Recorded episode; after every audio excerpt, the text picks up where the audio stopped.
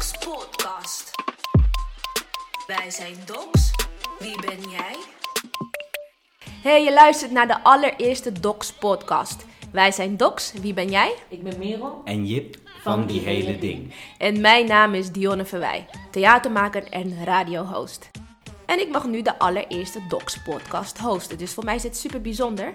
Vandaag ga ik met hip-hop theatercollectief Die Hele Ding in gesprek. Die Hele Ding, dat is D-I-E-H-E-L-E-D-I en G aan elkaar. De makersgroep wordt sinds 2019 ondersteund door Docs. Super geluk als je het mij vraagt. Ik ga met die hele ding in gesprek over de nieuwste voorstelling 1001. Ik heb de première gezien en het was inderdaad vanaf het begin tot het einde gedipt in hip-hop. Ik ben benieuwd naar het achtergrondverhaal, dus ik heb mijn sneakers en ik ben hoodie ready. Welkom Merel en Jip. Hallo. Hoi. Jullie Wij zijn... zijn hip-hop. Hallo. Sorry. Maakt niet uit. Welkom. Jullie zijn onderdeel van die hele ding. Wie missen we vandaag? Ehm, we missen op dit moment Nick Livramento Silva, Dalorin Bartes, Annabel Overbeke, Steven Ivo. Dat zijn ze. En dat, is... dat zijn ongeveer vijf mensen? Zes bij elkaar met ons erbij. Zes. En van die zes mensen, Jip, jij bent de regisseur. Ja, En kunnen jullie jullie werk als collectief omschrijven? We maken voorstellingen. We, dat is eigenlijk het grootste wat we doen. Hoewel we deze zomer ook een livestream hebben gemaakt. vanwege Corona natuurlijk. Eh, maar we maken voorstellingen waarbij we alles zelf doen. Dus we schrijven de teksten zelf. We maken zelf de muziek. Ehm, we bedenken het verhaal. Bedenken ook samen vaak met de decorontwerper decor. Ja. En we laten ons altijd inspireren door, altijd, dat is een basis gegeven door hiphopmuziek. Ehm alle vijf acteurs hebben elkaar eigenlijk ontmoet in een project waarin ze zelf iets mochten maken. En dat ze wisten, we hebben allemaal een liefde voor hiphop, maar allemaal op onze eigen manier. Wat natuurlijk ook een heel, het is een gigantisch muziekgenre. Je kan niet zeggen dit is hiphop of dit niet. En de hiphop zelf is daar nogal over in gevecht, wat echte hiphop is en wat niet. En toen kwam ik daarbij. Ehm, en toen hebben we besloten om eigenlijk.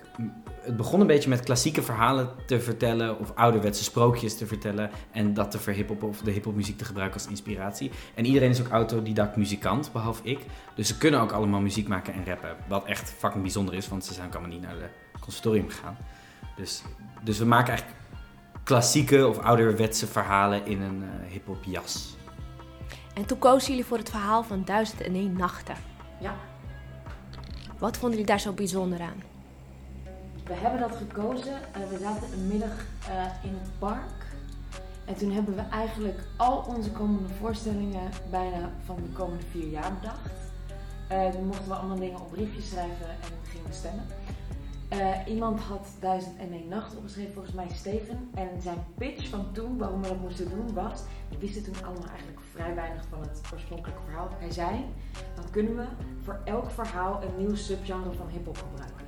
Eh, dus die mal van al die korte verhalen, dat kun je gewoon tot eh, tracks maken. Dat moeten we doen. En toen waren wij helemaal verkocht.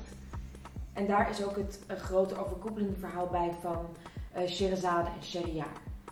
En kan je kort vertellen voor de mensen die dit verhaal nog niet kennen waar 1001 nachten over gaat? Jip? Ja, ehm, het is eigenlijk een raamvertelling. En dat betekent zoveel als je gebruikt allemaal kleine verhaaltjes om. Eh, die dienen het grotere verhaal. En de overkoepelende verhaal is als volgt: er is een koning die is ooit heel erg bedrogen door zijn vrouw. En daar is hij heel verdrietig over en dan vermoordt hij haar ook.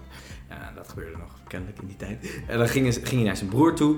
En die was ook net eh, bedrogen door zijn vrouw. En toen besloten ze allebei dat ze nooit meer eh, bedrogen wilden worden. En uit die pijn heeft hij had hij een plan. Hij dacht, nou, als ik niet bedrogen wil worden, dan trouw ik elke nacht met een nieuw jong meisje. En eh, dan ga ik met haar naar bed. En dan laat ik haar de volgende dag vermoorden, want dan kan ze ook niet meer bedriegen. En eh, dan de grootvizier, dus een soort van rechterhand, die moet al die meisjes verzamelen. En dat hele land wordt langzaam leeggeplukt. En die grootvizier heeft twee dochters. En die ene dochter heet Scheherazade. En die zou gespaard worden. Maar zij komt er dan achter en zij heeft een soort survivors guild. Het gevoel dat iedereen om haar heen sterft en zij niet. Uh, dit is een beetje onze interpretatie hoor. En ehm, dan besluit zij om die koning van het moorden te stoppen. En dan vertelt ze hem elke nacht een nieuw verhaal. En daar komt de cliffhanger vandaan. Dus dat is het midden in de nacht. En dan op het laatste moment zegt ze, ja, het wordt al licht, eh, koning. We moeten echt gaan slapen. Ik kan niet meer. En dan zit ze midden in dat spannende verhaal. En dan laat hij haar nog een nacht leven en nog één en nog één. En zo duizend en één nachten lang, dat is meer dan, maar bijna drie jaar, eh, blijven ze inleven. Dat is de raamvertelling in ieder geval.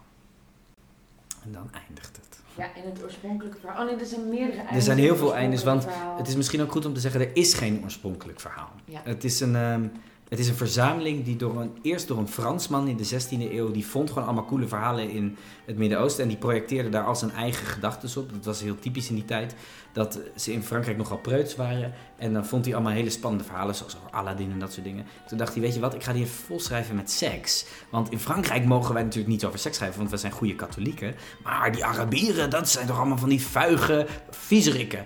En eh, dat was natuurlijk helemaal niet waar. Dus hij schreef gewoon allerlei seksuele getinte dingen in die verhalen. En het coole is, dat is uiteindelijk weer teruggegaan. Dus hij heeft die verhalen verzameld. Daarvoor bestond er niet zoiets als een verzameling van die verhalen. Waren het gewoon verhalenvertellers in het Midden-Oosten. Die dat in cafés als het ware deden. En toen gingen ze dus terug. En toen ineens werd dat een bundeling. En toen gingen die verhalenvertellers uit het Midden-Oosten die nieuwe verhalen lezen. Die heel erg geërotiseerd waren. Toen gingen ze er weer nieuwe bij verzamelen. Dus het is een soort cross-cultureel werk geworden. Wat bestaat uit honderden verhalen. En allerlei alternatieve eindes. Die ook niet door een schrijver zijn bedacht. Elke verhalenverteller heeft als het ware zijn eigen einde. Hmm, Dikke beats en zachte matrassen las ik. Ja. Het is, een, het is een licht erotische voorstelling. Of zeg ik het verkeerd? Merel. Een licht erotische voorstelling. Nou, het gaat wel over erotiek in veel verhalen. Want je zei het al, de, veel verhalen zitten veel erotische elementen in. Dus die hebben we vertaald op onze eigen manier. Eh, ja, ook erotisch omdat Sherazade... Kijk, wij vertellen al die verhalen aan het publiek op ook een verleidelijke manier. Net als Sherazade moest eigenlijk verhalen vertellen voor haar leven. Ze moest het zo spannend maken dat die koning zei: Ik laat je nog een dag leven, want dan kan je me volgende nog verder vertellen. Die relatie hebben wij ook met het publiek. We moeten zo smeuig, soms erotisch, soms heftig die verhalen vertellen zodat het publiek blijft kijken en geïnteresseerd blijft. En ik denk dat daar dat soort erotische vandaan komt. Wij die constant als rappers, theatermakers publiek verleiden. Nog even luisteren, want hierna komt nog een heel vet verhaal over een papegaai. We leven in een tijd waarin verhalen even belangrijk zijn als. en misschien nog wel belangrijker dan ze ooit waren. En het gaat ook om de vraag: welke verhalen wil je geloven? Dus wat is het belang van het geloof überhaupt in een narratief? En, en daarin presenteren wij ook ding, niet dingen die per se de waarheid zijn. Wij zijn het ook met sommige verhaaltjes niet eens. Of we laten ook expliciet soms dingen zien waarvan we denken: ja, dit is geen goed voorbeeld. Omdat wij geloven dat dat, dat verhaal zich bij het publiek afspeelt. Wat ze daarvan vinden. En die personages vinden er ook iets van. Dus het is heel vet om te bedenken: waar herken ik me in? En wat is eigenlijk de waarde van het vertellen van iets? Dus daarin, en ik denk dat dat nog steeds heel belangrijk is. Welk verhaal vertel je over jezelf? Welk verhaal wil je dat er over je verteld wordt? En welke verhalen hoor je en waar vind je iets van? En vanuit welk perspectief? Precies. Wat hopen jullie ehm, te bereiken met deze voorstelling? Bij het publiek dan? Voor mij persoonlijk, eh, ik hoop, ik zie deze voorstelling echt als een ode aan verhalen vertellen. Op verschillende manieren. Sherazade vertelt een verhaal om letterlijk in leven te blijven. Dus welk verhaal zou je vertellen om niet te sterven? Dat vind ik een heel erg mooi gegeven. Eh, voor mij is het deze voorstelling ook een liefde aan hoe hip-hop verhalen kan vertellen. En dat die liefde die ik heb daarvoor over willen brengen aan het publiek. Kijk hoe vet dit genre is. Vooral ook voor de mensen die misschien niet naar hip-hop luisteren, ga dit luisteren.